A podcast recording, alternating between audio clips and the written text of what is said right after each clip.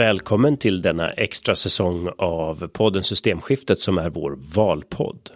Vi spelar in dessa avsnitt i maj och syftet med den här valpodden är att ta upp de ämnen som folk tycker är viktigast inför valet, men ur ett systemkritiskt perspektiv jämfört med de debatter du hör till vardags. Och vi hoppas kunna ge dig bra verktyg att ställa intressanta och djuplodande frågor till de politiker du möter i valrörelsen. Och temat för dagens samtal är välfärd inom planetens och mänsklighetens gränser. Och eh, för att kunna göra det har jag idag bjudit in då Eva Alfredsson som är miljöstrateg, forskare på KTH och dessutom senior rådgivare i Global utmaning. Hjärtligt välkommen! Tack så mycket! Och med mig har jag också Alf Hornborg som är professor i humanekologi och antropolog från Lunds universitet. Välkommen! Tack ska du ha! Ja, man kommer ju alltid höra då att vi måste ha pengar till välfärden och välfärden ska ha sitt och satt. Men eh, Eva, vad, vad är välfärdsbegreppet för dig? Vad, vad innebär det egentligen? Det är någonting som jag inte direkt har forskat kring. Det vi behöver det är ju att vi måste ställa om till en, en hållbar livsstil och det har jag forskat kring, både när det gäller grön konsumtion och eh, investeringar och så vidare. För att möjliggöra det liv som vi vill leva. Och sen hur vi vill leva, det är väl lite valfritt, men det finns ju ganska mycket som vi har gemensamt, alla människor. Vi vill ha trygghet, vi vill ha inkomster, vi vill ha ett sammanhang och så vidare. Och det är lite därför just du är inbjuden här idag för att eh, vi pratar alldeles för sällan om de grunder som en välfärd måste bygga på, nämligen att vi förvaltar den planet vi bor på på ett sätt som gör att det är möjligt att fortsätta leva. Alf, vad säger du om den här frågan? Jag skulle säga att välfärd handlar väldigt mycket om att ha en, en grundtrygghet, alltså att se till att ens eh, materiella basbehov är täckta. Men också allt det här som Eva var inne på med trygghet och social gemenskap. Det är vad jag skulle lägga in i begreppet. Och traditionellt när politiker pratar om det här så säger man ju då att eh, man måste ha tillväxt eh, för att ha råd att finansiera välfärden och så funderar man mindre på de begränsningar som finns i den logiken. Ni har ju båda, precis som jag, varit involverade i det här med bortom tillväxt. Eh, jag var ju det när jag var EU-parlamentariker och Potocnik föreslog det för hela EU. Och ni själva har båda forskat kring det här.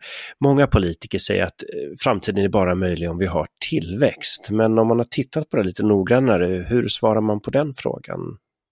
Jag kan ju börja kanske, vi, jag var delaktig i ett projekt som hette Bortom BNP-tillväxt och eh, studerade inte så här jättemycket om tillväxt där, men vi gjorde dels en artikel där vi gjorde, försökte se hur ser prognoserna avseende tillväxt ut på lång sikt.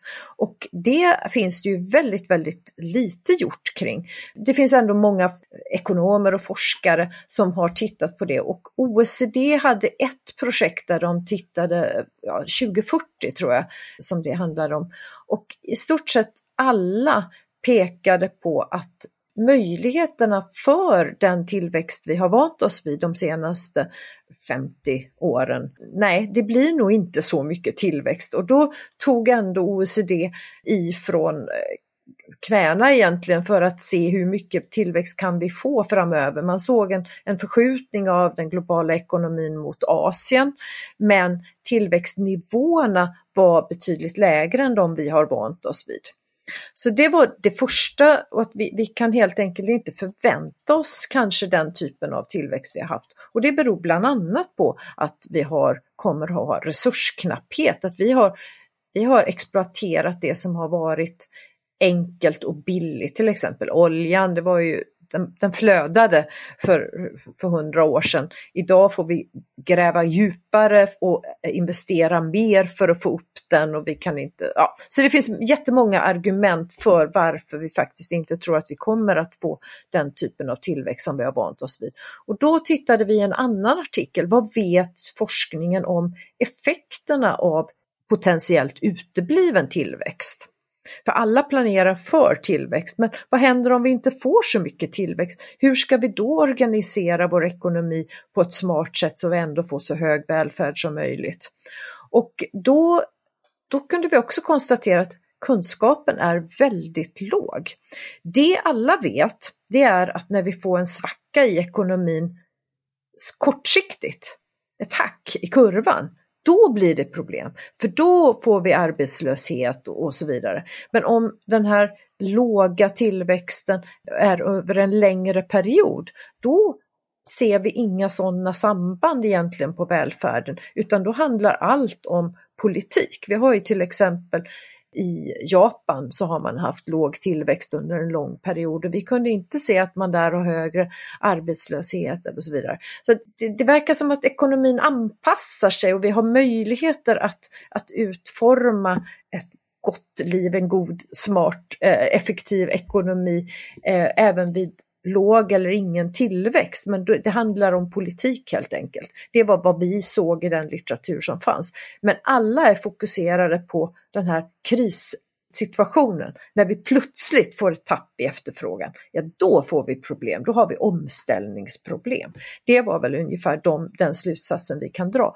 Men vad som skulle hända om vi över en väldigt lång tid eller en längre period och globalt har låg eller till och med negativ tillväxt, det vet vi faktiskt inte. Mer än att de flesta ekonomer menar att det kommer, man kan anpassa sig helt enkelt. Eh, Alf, vad har du kommit fram till? Jag, jag, deltog också i det projektet. Det var faktiskt så jag träffade Eva första gången tror jag.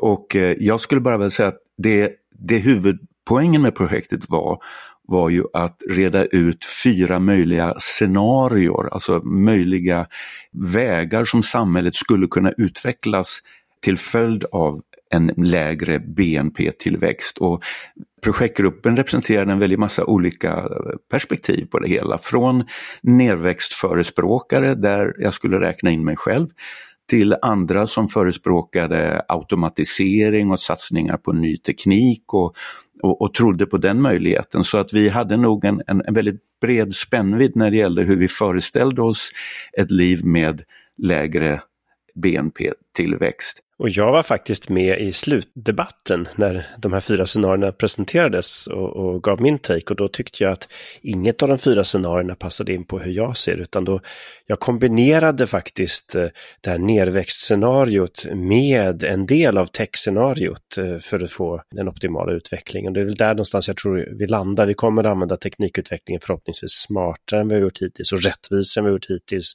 Men också inte ha några som helst illusioner om det här med grön tillväxt för evigt. Hur, hur skulle man kunna se till att vi har det vi behöver utan att förstöra planeten då? Ja, för det första, ja men det, det, är en väldigt mycket av en ekonomisk diskussion och jag har ju analyserat saker ur ett ekonomiskt perspektiv också. Men det jag skulle säga som är någonting vi borde lyfta mycket mer nu i den här valrörelsen och generellt är att den knappa resursen vi har att förhålla oss till, det är inte pengar. Det finns mycket pengar, pengar är dessutom ganska billigt för tillfället. Sen är det ju såklart många människor som säger nej men jag har inga pengar, men liksom rent generellt i världen, det finns massor med pengar.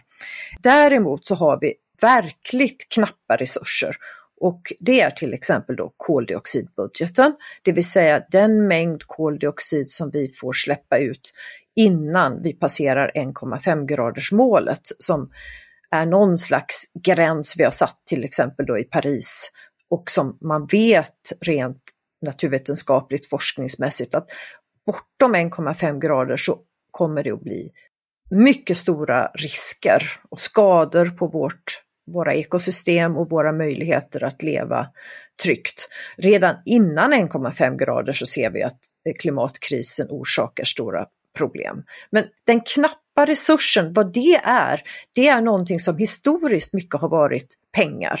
Och sen hur ska vi fördela dem och hur ska vi budgetera de här pengarna. Men det som vi måste över i, det är att titta på de reala tillgångarna. Hur kan vi använda dem på ett smart sätt? När man då till exempel som jag då har tittat på, hur ska vi investera? Vi behöver investera för att bygga om vårt samhälle så det blir hållbart. Men de här investeringarna i sig kostar mycket koldioxidutsläpp när man bygger en anläggning som är då för till exempel fossilfritt stål. Ja, men då, då går det åt en massa energi och, eh, och råvaror och så vidare som vi säger då genererar utsläpp. det går också åt väldigt mycket material av knappa resurser. Så att vi måste vara, helt enkelt börja fundera på de reala resurserna, hur, hur använder vi dem smart för att bygga om så att vi kan ha en god konsumtionsnivå i framtiden. För just nu så eroderar vi vårt kapital. Och här tycker jag blir en intressant symbios mellan era forskningsområden. För Alf, du har ju nyligen skrivit en bok som heter Kannibalernas maskerad. Och där du tar upp det som Eva, jag tror du sa och sådant där och liknande. Alltså det här sådant där i det här fallet är ju då människors tid på andra sidan jorden som också är en knapp resurs som vi har vant oss vid att missbruka. Vi kommer kanske gå in på det lite mer i detalj, men hur vill du kommentera Evas eh, inlägg här att vi har enormt liten koldioxidbudget och för övrigt generellt alla former av resurser budget kvar och ändå måste vi ställa om så mycket. Hur ser du på den utmaningen? Ja, alltså som antropolog så är ju mitt dilemma att jag hela tiden funderar över de ord vi använder och de begrepp eftersom jag tänker mig, precis som man tänker när man studerar andra kulturer, att alla människor lever i sin kulturella bubbla. Och jag tror att det är så att det gäller oss också. Att vi, när vi talar om pengar och, och, och, investeringar och kapital och det ena och det andra som vi tycker är alldeles självklart, så eh, finns det en annan verklighet bortom våra ord som vi inte riktigt har begripit. Jag vill tro att det finns en objektiv verklighet men att våra begrepp ganska luddigt beskriver den verkligheten och jag tittar speciellt i min bok på begreppet teknik till exempel och begreppet pengar.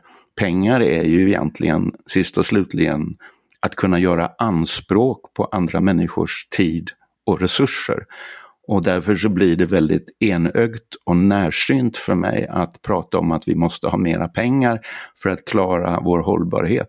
För då handlar det egentligen om att vi måste öka våra anspråk på resten av världen och resten av biosfären för att vi ska kunna bli hållbara. Och det rimmar inte riktigt tycker jag.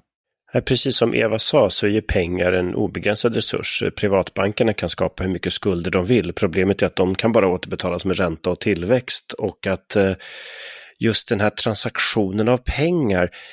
Jag tycker det är en intressant reflektion här att det är ju inte bara så att vi går bortom de eh, naturliga ramarna som ekosystemen sätter, utan just det faktum att alla transaktioner där pengar är inblandade känns eller upplevs som i vår kultur då helt neutrala, reciproka, att det är ett jämlikt utbyte när man köper någonting för pengar, att båda parter har kommit överens om det. Men här brukar du problematisera det, Alf. Hur, hur brukar du resonera när man säger så? Ja, alltså nationalekonomin, ehm, den, nationalekonomins huvudfåra som den har utvecklats ända sedan 1870-talet har ju hanterat frågor om marknadens jämvikt, utbud, efterfrågan, hur priser uppstår. I stort sett allting handlar om pengar. Man har bortsett ifrån de materiella flöden som pengarna så att säga skyler man tittar inte på handelsvarornas fysiska substans, det vill säga mängden materia, energi, arbetskraft, eh, markåtgång och så vidare som de representerar, utan man tittar bara på deras bytesvärde, det vill säga deras marknadspris. Och det betyder att det som ser väldigt jämnt ut ur ett ekonomiskt perspektiv kan vara väldigt ojämnt ur ett fysiskt, ekologiskt perspektiv. Och det ser vi ju ganska tydligt om man tittar på resursflöden över nord och syd. Om man, om man buntar ihop Europa, USA och Japan då, som man brukar kalla för globala nord, så ser man ju att det är enorma mängder material som flödar in till de länderna. Det är enorma mängder markyta som vi behöver använda och någonstans läser jag att det är 250 miljoner årsarbetstillfällen som vi tillskansar oss netto där vi ja, köper billig arbetskraft från resten av världen för att få saker billigt här. Och, um, så det är inte bara en resurspuckel ur rent materiella synvinklar som vi måste hålla oss under, utan det är också en utnyttjandepuckel vi ska ta bort från vår dagens ekonomi. Eva, um, du har ju tittat mycket på det här med resursbiten. Ska vi börja med den? Hur, hur, hur undviker vi att hamna i omställningsfällan, det vill säga att själva omställningen kräver så mycket naturresurser att, att den blir ohållbar i sig? Ja, det är ju såklart genom att analysera det här ordentligt.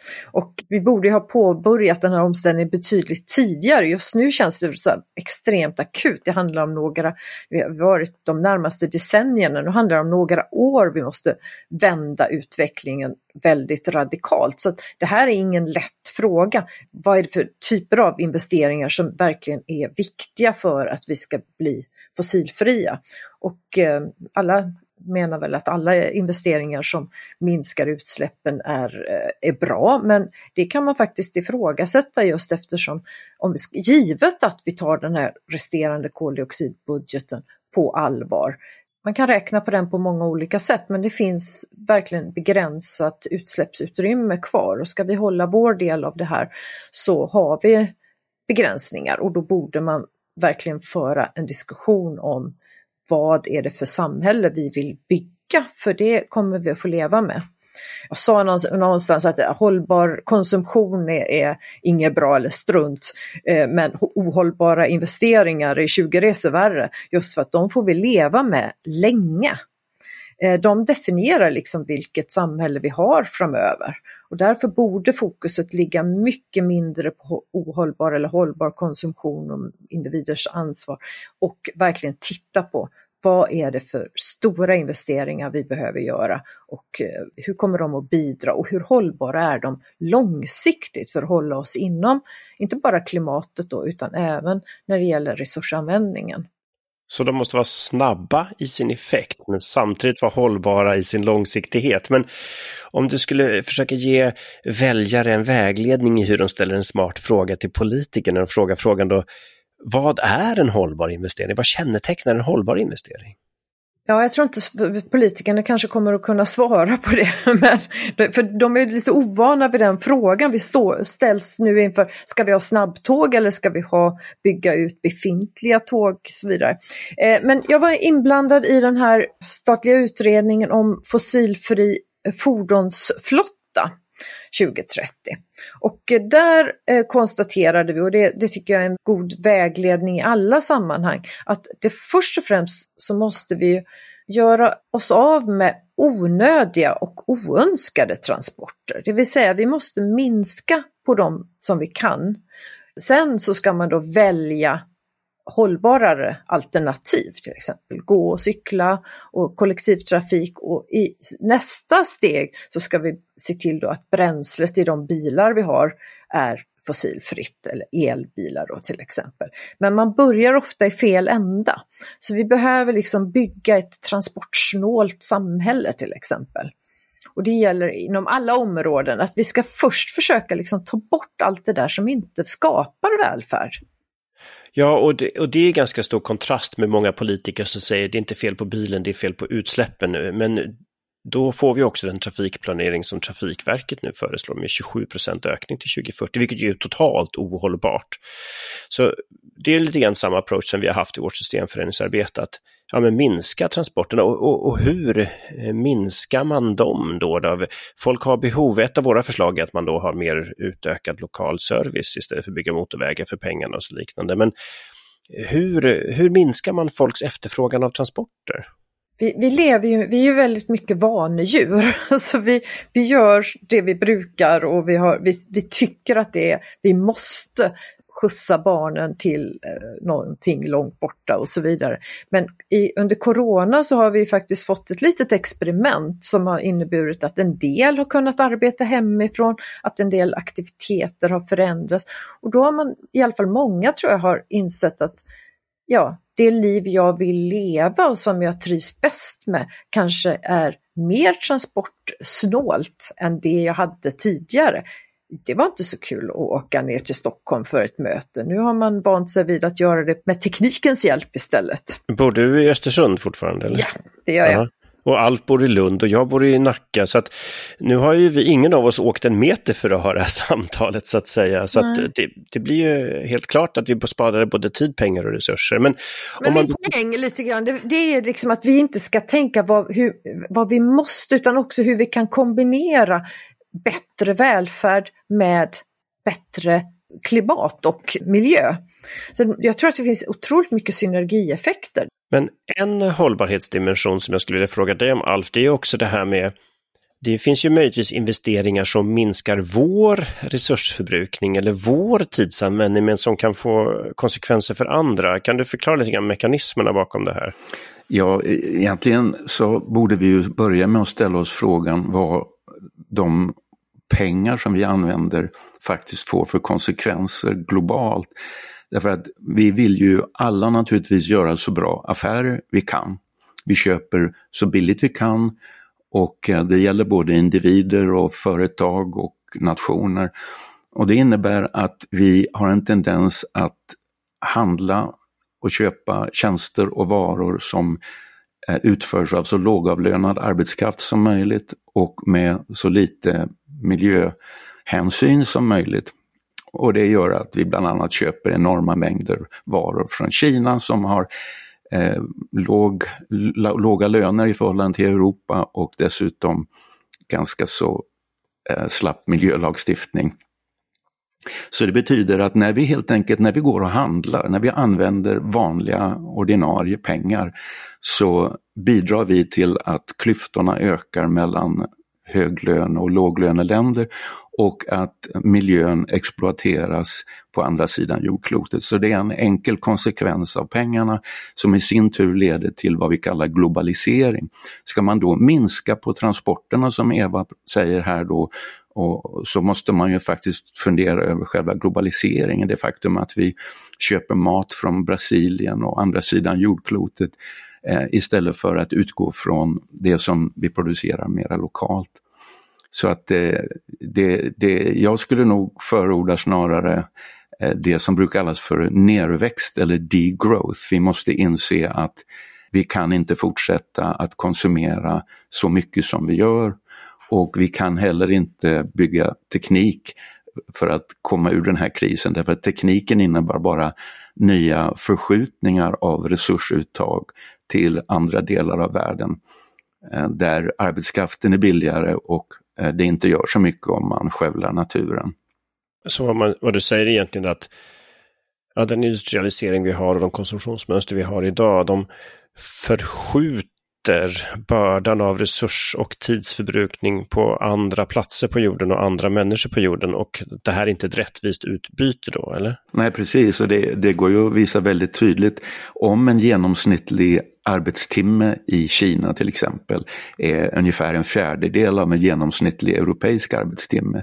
Så betyder det att när vi inhandlar kinesiska varor så byter vi en europeisk arbetstimme mot fyra kinesiska. Det betyder att vi alltså konsumerar deras tid. Och det är faktiskt därför jag kallar min bok Kannibalernas maskerad. Därför att vi metaforiskt, alltså bildligt, så äter vi andra människor. Vi, vi förtär deras livsenergi. Det är så hela världsmarknaden fungerar. Men en, en nyliberal skulle ju då säga att ja, men det här är en del av ja, det var väl redan på 1700-talet tror jag som Ricardo kom med sin idé om komparativa fördelar, att ja men vi är så effektiva här och minsann, de, eh, de behöver ju jobba fyra timmar för de är så ineffektiva jämfört med oss. Eh, men du har genomskådat den teorin lite grann, vill du beskriva det? Ja, alltså ska man fullfölja det resonemanget så skulle man säga att länder som har slaveri har en komparativ fördel alltså jämfört med oss därför att de, de behöver inte betala något för arbetskraften. Så vi måste fundera över vad vi menar med komparativa fördelar. Att, att man har slapp miljölagstiftning och låga löner kan ju inte vara eh, liksom berömvärt. Här i Europa så pratar vi om mänskliga rättigheter och hur duktiga vi är på på, på sådana frågor. Men samtidigt så spelar vi en, en, en roll i världsekonomin som inte alls är, är någonting att vara stolt över. Vi drar till oss enorma mängder människotid och resurser från andra delar av världen. Helt enkelt genom det sätt på vilket vår ekonomi är organiserad. Och, och det här får ju då konsekvenser för vilka planer man kan ha för resursanvändning. Man kan ju då, slutsatsen av ditt resonemang blir orsaken till att vi har råd att konsumera så mycket bygger på att andra exploateras, både tidsmässigt men också resursmässigt. Och eh, då är den här bilden av att teknisk utveckling i sig inte är frikopplat från resursanvändningen och tidsanvändningen av alla människor, vilket då innebär i sin tur att eh, när kineserna ska få vår levnadsstandard så måste de exploatera någon annan för att kunna få det med samma mängd eget arbete. Och, och det här blir ett spel där till slut ja, någon står kvar med Svarte Petter eh, eller så är det så att den konsumtionsnivån uppenbart blir orimlig, inte bara av naturresursskäl utan även av mänskliga skäl. Om man då tittar på all den här resursanvändningen som vi då normalt sett beräknar så tittar vi oftast bara på ekologiska konsekvenser och koldioxidutsläpp från dem. När du har varit med i den här utredningen, Eva, har de här typen av resonemang att hela vår resursförbrukning bygger på exploatering av andras mark och tid, eller är det frånvarande i de diskussionerna? Det är frånvarande såklart. Men jag skulle vilja bara ställa en fråga till dig Alf. Du säger en timme i Sverige och det, det är liksom fyra timmar i Kina.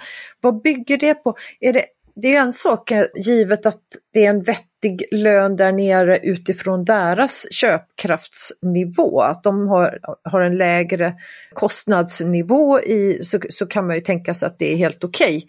Det viktiga är ju naturligtvis att vi får till rättvisa och handelsutbyten. Men det är ju någonting som jag skulle säga ändå EU åtminstone arbetar för och vi, vi ligger på för att ställa krav på minimilöner. Jag menar, det finns företag i Sverige som liksom regelbundet blir anklagade för att betala för dåliga löner och så vidare. Så det här är ju någonting som man jobbar med parallellt. Ja, men logiken i systemet kvarstår även om eh, fler och fler blir medvetna om den. Eh, jag har en före detta doktorand, Andreas Roos, som eh, skrev en avhandling om den tyska användningen av solpaneler tillverkade i Kina. Och han kollade upp väldigt noga hur mycket arbetstid i Kina som hade gått åt för att producera de här solpanelerna. Dessutom hade de ju tillverkats med kolenergi och de mineraler som gick åt hade utvunnits i Kina av lågavlönad kinesisk arbetskraft och med den miljölagstiftning som råder i Kina. Och, och, då kan man då sitta här i Tyskland och resten av Europa och slå sig för bröstet och säga titta vad duktiga vi är, vi har gått över till solpaneler och vi är så hållbara. Men då visar det sig att den tekniken med vilken vi kallar oss själva hållbara är ett led i en global exploateringsstrategi som, är, eh, som vi på något sätt inte vill kännas vid. Och jag skulle säga att det här är någonting som härstammar ända sedan från industriella revolutionen. Engelsmännen tyckte det var fantastiskt när James Watt uppfann sin ångmaskin och man kunde börja använda sig av stenkolsenergi. Men vad man väldigt sällan egentligen tänker på och framförallt tänkte på då, det var att de här ångmaskinerna ingick i en, en global organisation där, som byggde väldigt mycket på, på slavhandeln och på slaverierna, eh, slaveriet i, i, de, i bomullsplantagerna i Nordamerika. Bland annat så användes mycket av bomullstygerna som man tillverkade i England för att eh, köpa slavar i Västafrika som man sen skeppade över till, till Nordamerika, till bomullsplantagerna. Och tekniken menar jag har i all tid varit genomsyrad av sådana här globala förskjutningsstrategier, exploateringsstrategier. Och det är paradoxalt att vi nu när vi vill lämna fossilbränslesamhället har samma eh, suddiga bild av vad teknik är som man hade när man gick in i fossilbränslesamhället för, för 200 år sedan. Vad intressant. Jag, jag tänker lite grann, bilden jag får nu när du eh, tar upp det där är att allt fler människor har genomskådat att eh, kol kol, olja och andra fossila bränslen är att exploatera tidigare generationers växters eh, fotosyntesarbete och att det är ohållbart. Men du menar alltså att mycket av den här omställningen vi idag planerar att göra bygger på en annan, mindre synlig exploaterande struktur. Är det så jag ska tolka dig? Ja, alltså dels så handlar ju mycket av vår, eh, våra sänkta koldioxidutsläpp om att förskjuta koldioxid, koldioxidutsläpp till andra delar av världen. Solpanelerna i Kina är ju ett exempel som tillverkas alltså med, med, med kolkraft. Men även eh, tillverkningen av batterier till elbilar åstadkommer ju väldigt stora koldioxidutsläpp utanför landets gränser. Så att eh, det handlar väldigt mycket om förskjutningsstrategier och jag tror att det är en synvilla att tänka sig att om vi bara elektrifierar oss upp till tänderna här i Sverige och gör allting elektriskt, då har vi kommit ifrån den här problematiken med växthuseffekt och koldioxidutsläpp. Vi har inte gjort det, vi har förskjutit det i stor, i stor utsträckning.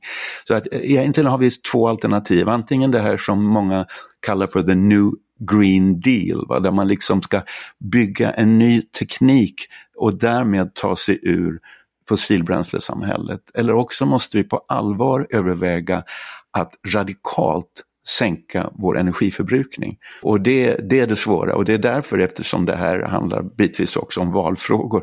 Det är ingenting som någon politiker idag skulle kunna föreslå och, och ha kvar en politisk framtid så att säga. Jag menar, tänk er själv att man skulle gå ut i, inför valet i höst i Sverige och säga att jag tycker vi bör skära ner vår elförbrukning till ungefär en femtedel av vad vi har nu och vår konsumtionsnivå, vår energiförbrukning.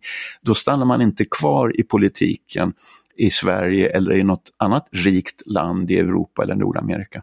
Nej, jag kan ju själv vittna om det.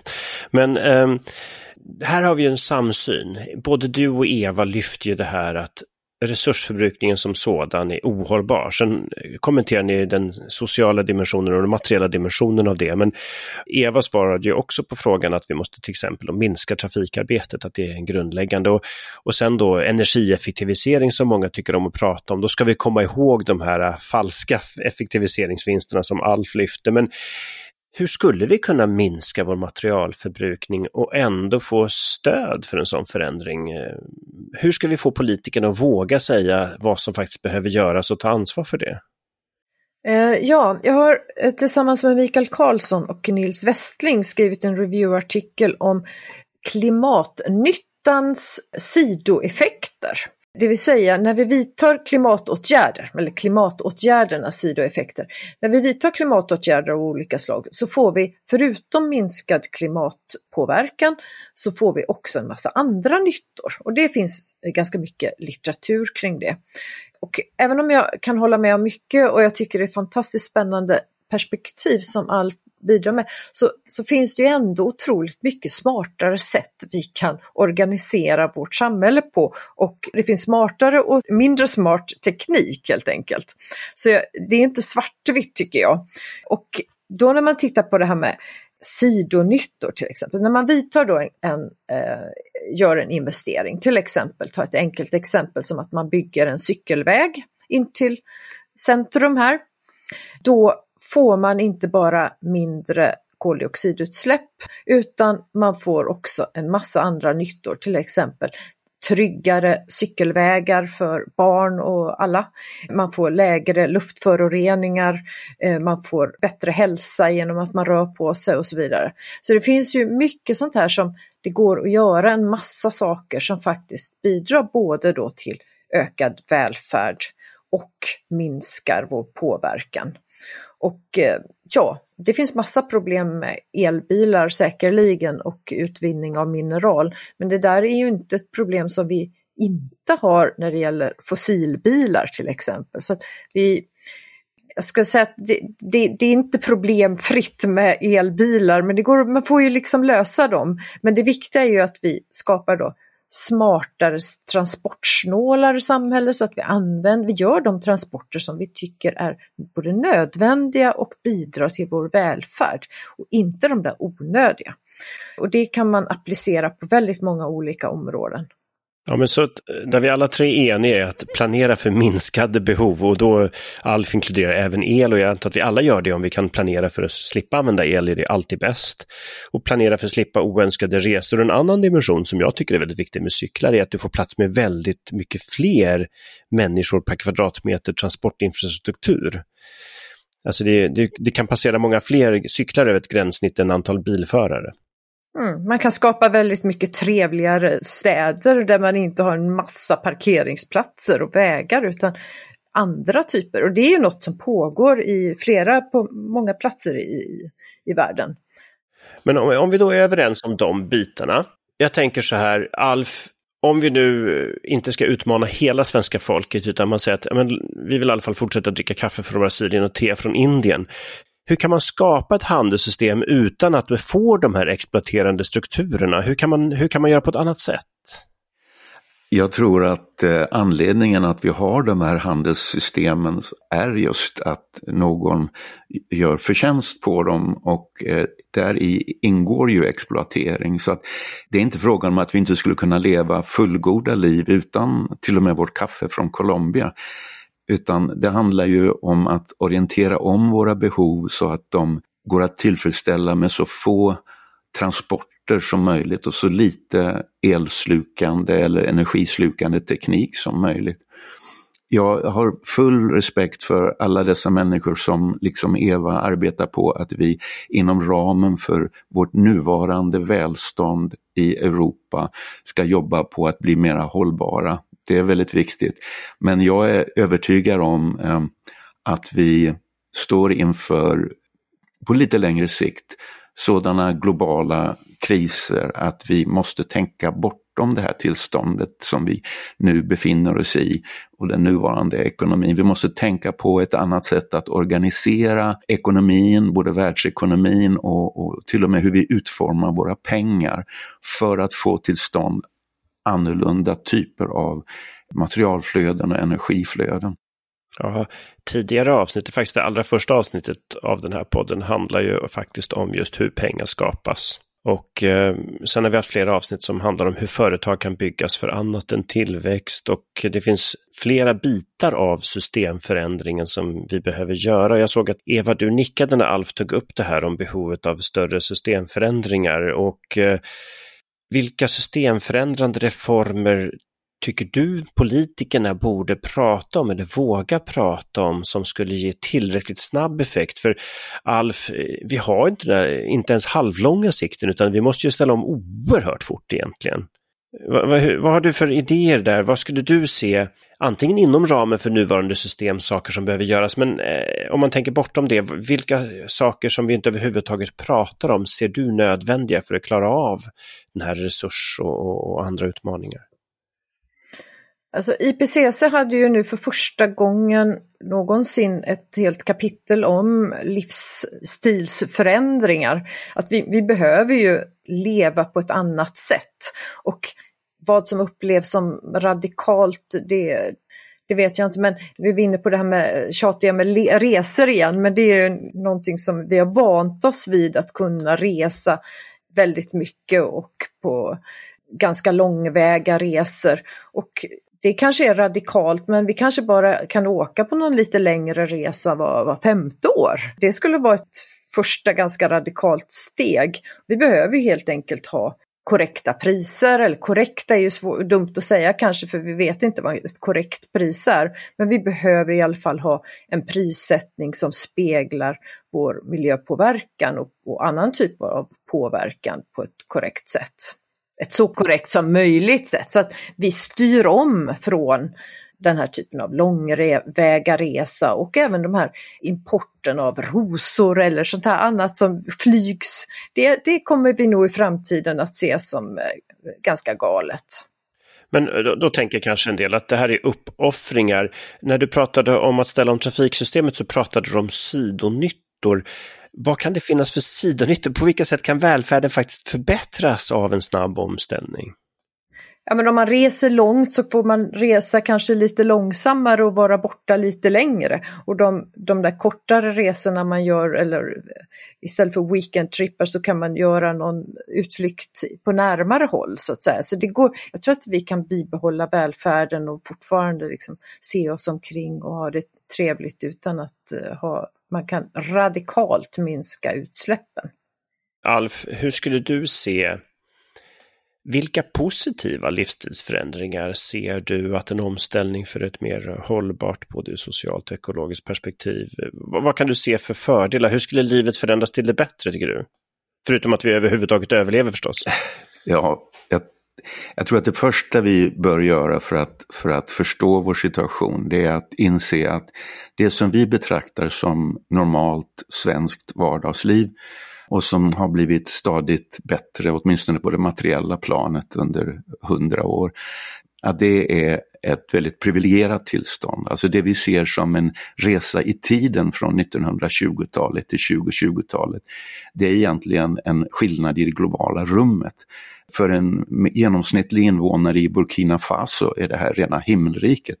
Och vi måste inse att, att Sverige och även Europa och Nordamerika är oaser i, i en värld där människor och miljö blir allt mer utarmade av vår konsumtion. Bland annat av vår, vår, vår tilltro till teknikutveckling. Och om, om man då ska åstadkomma någon förändring på sikt så tror jag vi måste förstå pengarnas roll. Jag återkommer gång på gång till detta. Pengarna är en väldigt märklig uppfinning som gör allting utbytbart mot allting annat och det har inte alltid varit så. Fram tills för 200 år sedan så skulle jag säga att större delen av världens kulturer skulle ha tyckt att det var absurt att gå och köpa sin frukostmat till exempel. Det är någonting som vi tycker är självklart som vatten för fisken men det är egentligen en väldigt egendomlig kulturell föreställning vi har. Att vi med hjälp av pengar ska kunna byta till oss resurser och arbetstid från andra sidan jordklotet. Och vi kan alltså göra någonting åt det här, även om det idag känns väldigt avlägset och främmande. Men det finns en möjlighet att utforma våra pengar på ett annat sätt. Och jag ska mycket, mycket kort berätta hur jag tänker mig det hela, nämligen att man har en så kallad universell basinkomst. Medborgarlön kallades den en gång i tiden. Men det viktiga är att den inte utbetalas i vanliga pengar. För då kan man helt enkelt bara fortsätta att köpa mat från andra sidan jordklotet och, och driva utvecklingen vidare på det sätt som vi har sett hittills. Utan den basinkomsten bör betalas ut i en särskild komplementär valuta som bara går att använda för varor och tjänster som har producerats inom en viss radie från inköpsstället. Och Det här skulle göra alltså att människor skulle känna att det var attraktivt att använda den här valutan för den skulle avlasta en del av deras ordinarie inkomst. Och jag tror att det är det som är poängen, inte uppoffringar, inte att eh, göra lite mindre därför att vi känner ett samvete eller en skyldighet eller en plikt eller någonting annat.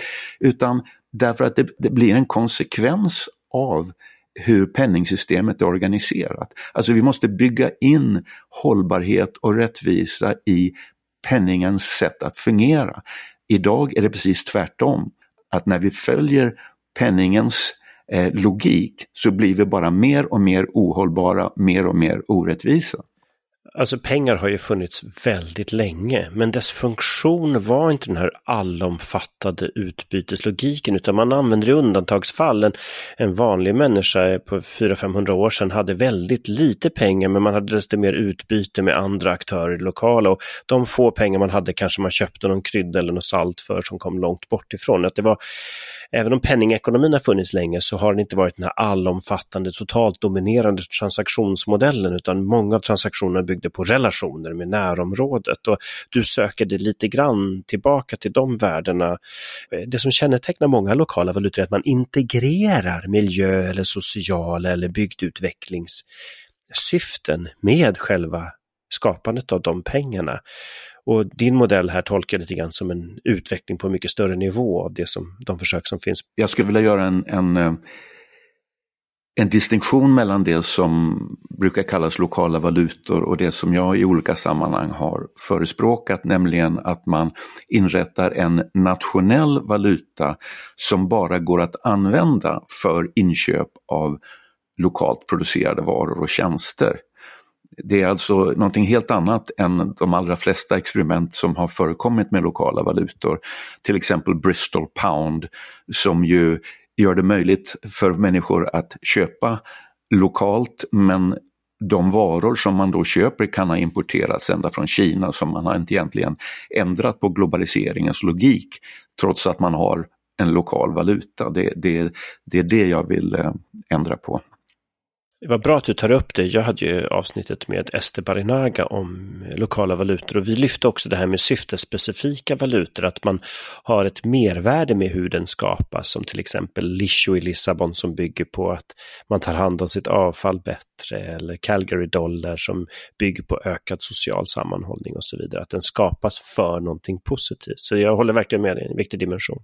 En sak som jag läste i din bok som jag tyckte var väldigt intressant just hur beroende vi är av andra människor på andra sidan jorden. Det här är att ett amerikanskt hushåll med fyra barn motsvarar två heltidstjänare i den globala ekonomin för att upprätthålla sin försörjning. Och det är ju ganska extremt. I Sverige diskuterar vi RUT väldigt mycket, men det här är ju helt osynligt i den allmänna debatten. Så det, den typen av perspektiv för att visa just som Eva och du båda har tagit upp hur otroligt ohållbar vår modell faktiskt är. Att man måste komma till insikt, det är väl kanske första steget. Precis, det här är ju väldigt, helt osynligt för de flesta av oss och kommer som en stor överraskning. Men det följer av den globala handelsstatistiken, alltså att om man omvandlar handelsstatistiken i, i varornas substans så ser man sådana här sammanhang som att, som du säger, en fyrbarnsfamilj genom en genomsnittlig ekonomi i USA behöver motsvarande två heltidstjänare utomlands. Så man kan också räkna ut att en japansk familj i samma storlek och också genomsnittlig genomsnittlig ekonomiskt behöver tillgång till 6 hektar åkermark utanför Japans gränser för sin konsumtion. Så att vi, vi förskjuter hela tiden resurs anspråk både på människotid och naturresurser utanför landets gränser utan att nationalekonomin egentligen bryr sig. Det är inte ens någonting man uppmärksammar. Jag tittar på en tusensidig grundbok i Economics som den heter och letade i det 40-sidiga registret efter begreppet unequal exchange, alltså ojämnt utbyte. Mm. Det fanns inte med i registret. Så det säger någonting om nationalekonomins skygglappar mot sådana här sammanhang. Ja, det kanske finns i själva begreppet national där, ja. att man inte tittar bortom det. Men jag såg, Eva, du, du ville reagera på någonting som Alf sa. Nej, jag vill bara göra ett tillägg. Sen. Nej, men det här är ju oerhört spännande med de här eh, hur man kan hitta mekanismer och i ditt fall då förslaget om att gå ifrån de här allsyftespengarna till pengar som designade på ett annat sätt som gör då att man det styr rätt. Det låter ju ganska ja, osannolikt att det kommer att inträffa att man gör en sån stor radikal förändring och det måste ju experimenteras med och testa så mycket. Men det, det lite roliga var att jag nämnde det här för, jag pratade om Alfs bok med min dotter som pluggar antropologi och då sa jag just den här invändningen att det känns ju ganska orealistiskt ändå. Och då sa hon, ja, men det är också en orealistiskt så som vi fortsätter att leva just nu. och det hade hon ju faktiskt en poäng i. Att, eh, och det, där så kommer jag att tänka på också att det finns en rapport här nu, Hot and Cold Institute, som skrev att just uh, radical is the only realistic. Och vi håller ju på att hamna i en situation där vi måste faktiskt fundera på ganska radikala lösningars möjligheter och eh, inte förkasta dem. Så jag tycker att det är väl värt att eh, studera helt enkelt, så det är spännande. Men det jag skulle vilja tillägga också, så att vi inte får glömma i den här podden. Vi är ju oerhört privilegierade, men detta är ju ett hån mot många människor som faktiskt inte upplever det på det viset. Och det beror ju på att vi även inom de rika länderna har extremt stora inkomstskillnader. Och jag tror att det är något som i sig, även om då de fattigaste i Sverige inte lever i någon liksom misär så att man inte har mat för dagen och kläder och så vidare, så innebär ju liksom skillnaderna i sig att det skapar en frustration och eh, stora problem. Och det är ju väl belagt att ju större inkomstskillnader desto mycket, väldigt många av samhällets problem härrör ur just det. Min forskning också när jag tittade på hur, det är ju väldigt stark korrelation mellan inkomstnivå och miljöpåverkan och koldioxidutsläpp.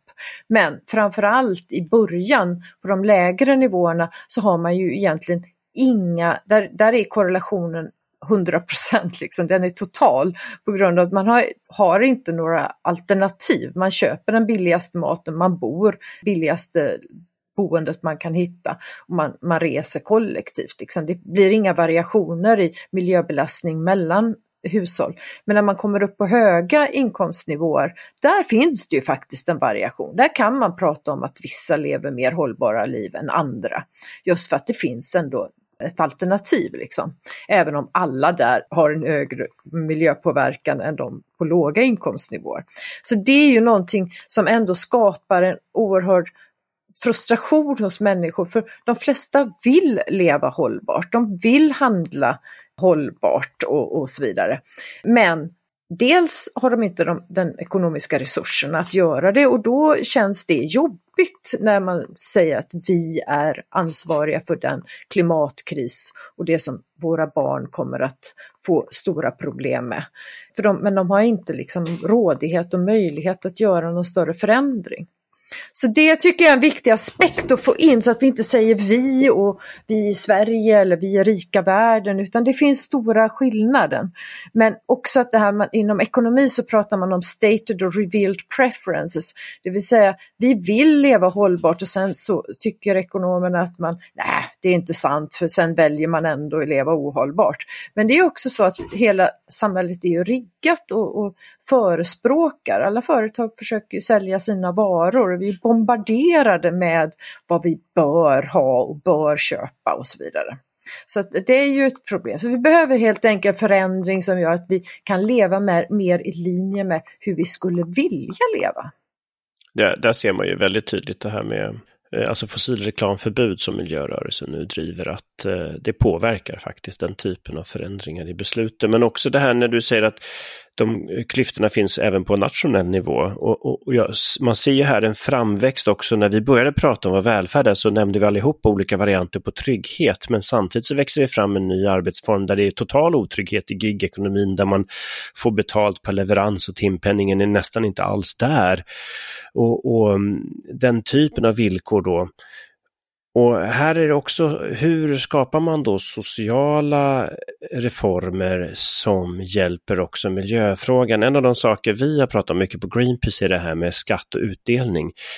Eh, idag så är det flera partier, det här spelas in i maj 2022. Och just nu är det massa partier som kämpar för sänkta bensinskattepriser och då säger de att det ska hjälpa folk på olika sätt. Men då ser man ju att eh, här är det ju så att många av de som allra mest behöver stöd har ju inte ens råd att köpa det eh, överhuvudtaget, ingen bil. Och eh, om man subventionerar de här ohållbara resurserna så hjälper man inte folk att investera sig ur de beroenden som bidrar till att vi alla blir fattigare eller mer förstörd planet.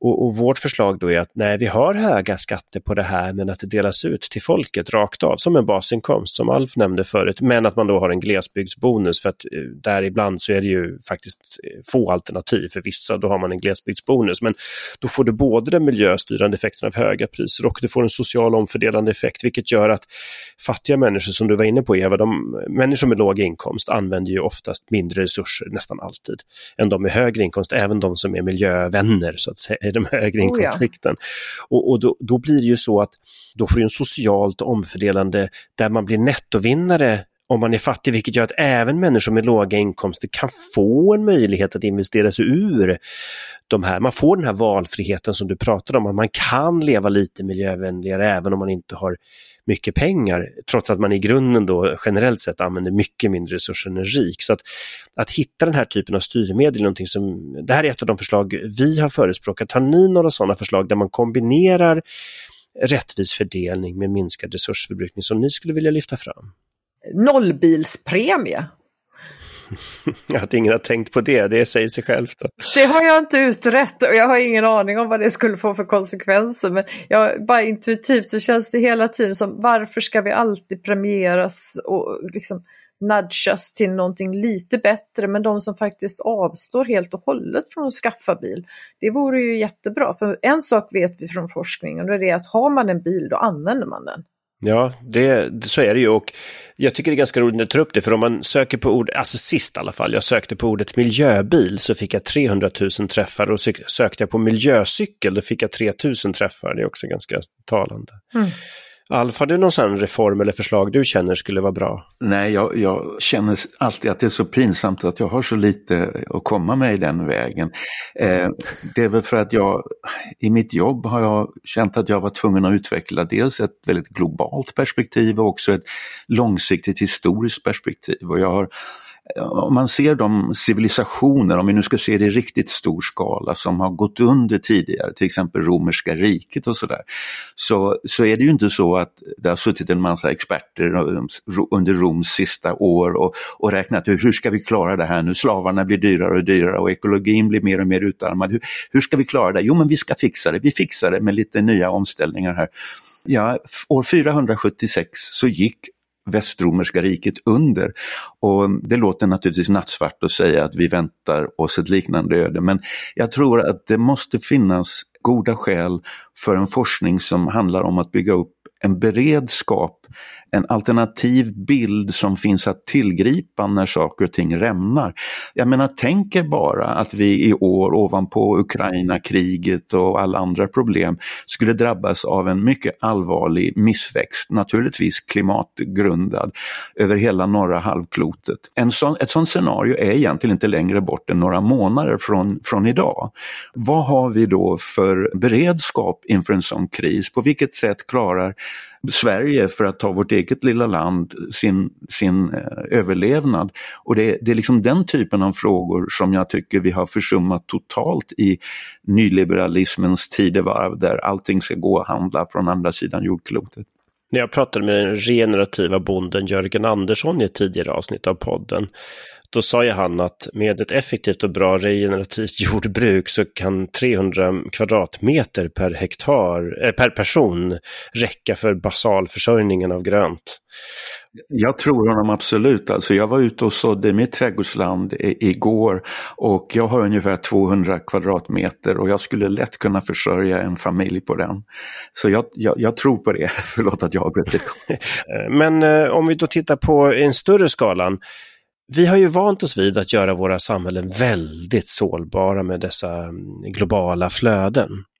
Om vi tänker oss att klimatkrisen också ska göras socialt hållbar och trygg, då kan det ju vara bra att man har lite mer av det vi behöver nära oss. Vad, vad finns det för omställningar som skulle kunna göra livet både hållbarare och tryggare och lite mer självförsörjning? Är det några, har ni några förslag på det området som ni tror kan lyftas upp här? Jag kan ju nämna att jag eh, jämförde den broschyr som skickades ut till alla svenska hushåll 1981. Eh, vid min ålder känns det inte som sådär väldigt länge sedan men, men eh, för många gör det ju det naturligtvis. Men den, den var väldigt annorlunda jämfört med den broschyr som vi fick, jag tror det var 2018 från Myndigheten för samhällsskydd och beredskap, tror jag den heter. Så någonting viktigt har hänt under de här 40 åren. Vi har nedmonterat våra beredskapslager, vår civila beredskap i väldigt hög utsträckning och det är egentligen upp till var och en att klara sig bäst de kan ifall det blir kris. Eh, det är inte en samhällelig angelägenhet. Nu pratas det om att vi ska börja bygga upp beredskapen igen men som svar på din fråga Karl eh, så tror jag att ett samhälle som har beredskap inför eh, missväxt och kris skapar en större trygghet hos, hos invånarna. Det är möjligt att Finland skulle kunna vara ett föredöme där. De lär ha betydligt större beredskapslager än vad vi har haft på senare år. Och, och, här ingår ju då, när vi har pratat i tidigare avsnitt om det här med lokal ekonomi och social sammanhållning, att man, att man bygger upp olika nivåer av samarbete, att man har en samarbetsekonomi snarare än en konkurrensekonomi, tror jag kan bidra väldigt mycket. Vad skulle du vilja säga på det här temat, Eva? Om man ska lyfta blicken igen, alltså jag tycker Alltså det finns mycket tokigt i vår ekonomi för tillfället. Vi blir egentligen fattigare för var dag som går eftersom vi, eh, vi tär av vårt kapital. Så vi måste ju reversera den här utvecklingen. Men vi må, ja, samtidigt så värjer jag mig, den ekonomin vi lever med nu, den, den har passerat sitt bäst före-datum. Men den var faktiskt ganska rationell i början av 1900-talet eller slutet av 1800-talet. Då hade vi jättemycket naturresurser och det fanns liksom anledning att skapa en ekonomi där det fanns incitament att, att hitta på smarta sätt att, att ta tillvara de här naturresurserna för att mätta våra magar och slippa arbeta så hårt och så vidare. Så mycket av drivkrafterna var, har ju ändå varit att skapa ett bättre samhälle. Nu har vi helt enkelt andra utmaningar. Det är fortfarande många människor som, ska, som inte är mätta och så vidare globalt sett, men vi måste liksom uppdatera vår ekonomi utifrån de utmaningar vi står inför just nu. Där ser jag då att en grön omställning handlar ju egentligen om att, att skapa en smartare ekonomi som, som gör att vi kan leva bättre liv. Eh, för mycket av den här omställningen känner jag, där, ja, vi, vi måste eller vi, vi är tvingade att leva på ett annat sätt. Men det är inte det det handlar om. Det handlar ju om ett val. Vi behöver inte göra någonting. Jag tror att det kommer att gå väldigt dåligt då. Men vi vill ju ha utveckling. Vi vill ju skapa någonting bättre. Och det är där vi måste hitta lösningarna så att vi får ihop både välfärden och ett smartare en smartare ekonomi helt enkelt. Pavan Sukdev har bland annat skrivit om detta men det finns ju väldigt många som har skrivit om, gett det här historiska perspektivet på hur varför ser det ut som det gör? Och sen har det ju allting konfigurerats kring hur det, den incitamentstrukturen ser ut som faktiskt syftar till att exploatera egentligen vår natur och som har hamnat då i en överexploateringssituation. Och då är det ju många nu som lever gott på så som det ser ut och det finns ju i alla omställningar så har vi ju vested interests som man måste arbeta mot för att flertalet ska få det bättre och för att vi ska ha en, liksom en hälsosam, god, vital ekonomi. Och, och det här ekonomin blir ju då... är ju bara ett verktyg. Det är ju liksom välfärd ja, som är målet. Och, bara och bara, för att som du säger då, det var väl i viss mån rationellt att försöka omvandla mer del av naturen till bekvämligheter där behoven var absoluta, men det var ju väldigt länge sedan vi behövde producera mer för att leva goda liv. Vi behövde möjligtvis fördela bättre för att alla ska kunna leva goda liv, men också det här som jag tycker Alf har tagit upp, att vad då fördela? Hela, hela skapandet bygger på en ojämlik skapande process, så att det, det får man ju ta med in i, i, i diskussionen där. Men självklart är ekonomin feldesignad för vår tid. Och alla tre av oss har ägnat decennier åt att studera tillväxt och dess olika effekter på miljö och människor. Vårt samtal idag låter ju ganska annorlunda än vad politiska debatter brukar göra när man pratar om att skapa ett hållbart samhälle och vad man strävar efter. Men om ni nu ska ge de som lyssnar på podden ett litet verktyg i valrörelsen, vad, vad skulle ni liksom ställa för frågor eller påståenden till politiker som ni skulle vilja ha svar på från dem? Ja, eh, jag skulle nog vilja fråga den här politikern hur han eller hon skulle se på nerväxt. Om det vore ett misslyckande eller om det skulle finnas möjligheter att genom att minska vår, vår tillväxt, vår, vår, vår materialomsättning, att vi skulle kunna skapa ett samhälle som människor mådde bättre av med lugnare tempo och mera gemenskap och trygghet mindre sårbarhet inför globala konjunkturer och så vidare. Jag skulle vilja höra hur en, som, en politiker ser på visionen om nerväxt. Ja, jag brukar jämföra med försäkringspremier. Alla betalar försäkring på huset. Man avstår lite ekonomiskt värde för trygghetens skull. Men den globala marknaden bygger på komparativ fördel. Att jag ska bara göra det jag är bäst på och sen köpa allt annat. Eh, jag brukar jämföra med att ja, men vi brukar faktiskt försäkra våra hus. Vi avstår lite av vår ekonomiska nytta för lite ökad trygghet. Och hur får man in det i en samhällsekonomi? Ja, det är en jättespännande fråga. Eva, vad, vad skulle du svara? Alltså, vad skulle ja. du ställa för fråga snarare? Ja, ja, det är jättesvårt, men eh, jag också känner mig dålig på sånt där. Men det, det som är viktigt är ju, jag, jag har pratat om det här the green deal, att vi säger den gröna given på svenska. Men jag tycker egentligen deal är bättre. Det är alltså ett avtal. Vi måste prata med fler i samhället om what's in it for me, undrar ju folk. Det här är ett väldigt stort fokus på att göra helt enkelt bara liksom rädda vad som räddas kan av eh, utan att verkligen förankra hos människor. Hur kan din vardag bli bättre samtidigt som den blir mer miljövänlig och eh, ja, bättre liv? Vi behöver ha mer dialog om, med människor om vad man hur man vill leva sina liv och vad, vad som möjliggör det på ett smart sätt. Och det är någonting som är väldigt eh, häftigt i vårt forskningsprojekt nu, Fairtrends, att vi har jättemycket partners, eh, olika organisationer och tillsammans ska vi samskapa. För jag tror på människors vilja, men man vill inte bli styrd uppifrån utan man vill vara en del av lösningen, att vi måste hitta smarta sätt att eh, förbättra och framförallt att det ska handla om utveckling, positiv utveckling, men inom ramen för vad som är möjligt. Liksom. Vad, tar, vad klarar planeten? Vad är vårt rent hållbarhet, ekologisk hållbarhet eh, måste vi respektera. Det är ett skallkrav faktiskt. Men inom ramen för det finns det många möjligheter.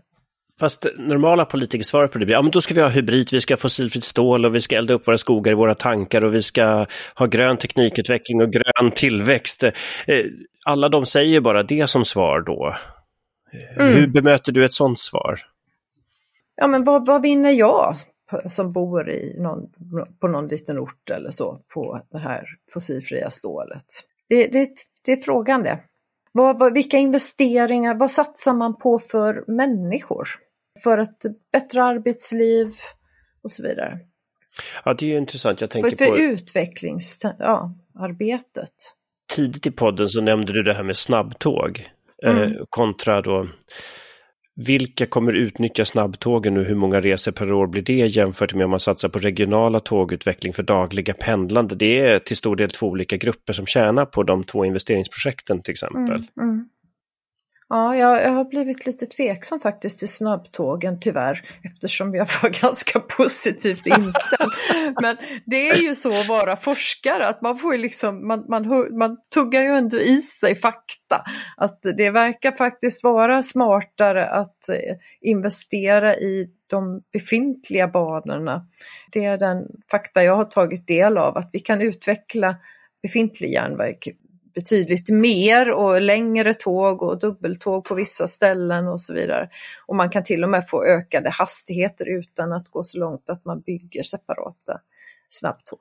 Jag har faktiskt också kommit till samma slutsats just för att antalet resor med de här snabbtågen på ett helt år motsvarar samtliga kollektivtrafikresor på bara en vecka. Och, och om man då sparar några minuter för de som dagligen pendlar det gör faktiskt större nytta när man ett par gånger om året tjänar någon halvtimme. Så att jag, jag, jag har faktiskt också kommit till samma slutsats. Och just också att det tar så otroligt lång tid att de där ska ju vara färdigbyggda långt efter att vi redan ska ha genomfört klimatomställningen. Så att jag, jag delar din bild där, att jag är också tveksam till den där. Har du någon reflektion på dem, Alf? Nej, definitivt. Jag är också väldigt skeptisk mot de här höghastighets tågen.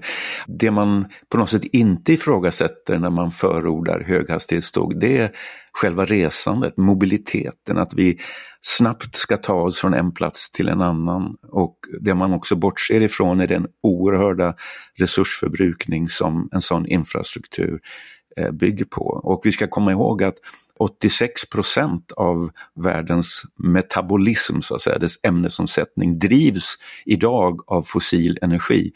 Och, och, man kan eh, med lite fantasi därmed säga att varje investering vi gör är till 86 procent subventionerad av fossil energi. Det gäller alltså även våra infrastrukturer för eh, vindkraft, för höghastighetståg, alla dessa fantastiska nya maskiner som ska ta oss ut ur fossilbränslesamhället. ja, det, här tror jag faktiskt att nu fick väljarna några jättebra redskap att ställa sina politiker mot väggen och ifrågasätta de utvecklingsmodeller de brukar förespråka. Så det tackar jag för. Jag tycker vi har haft ett brett och jätteintressant samtal idag och jag tackar så mycket för att ni ville komma hit. Tack. Tack så mycket för att vi fick vara med. I nästa veckas avsnitt så diskuterar vi lag och ordning med Jonas Ropé från Endecosite och Jonas Ebbesson, professor i miljörätt. Tack för att du har lyssnat på dagens avsnitt av Systemskiftet. Podden produceras av Greenpeace i Sverige. Medarbetarna är Christian Åslund, Alexia Fredén och Ludvig Tillman. Och jag som är värd, Carl Schlüter.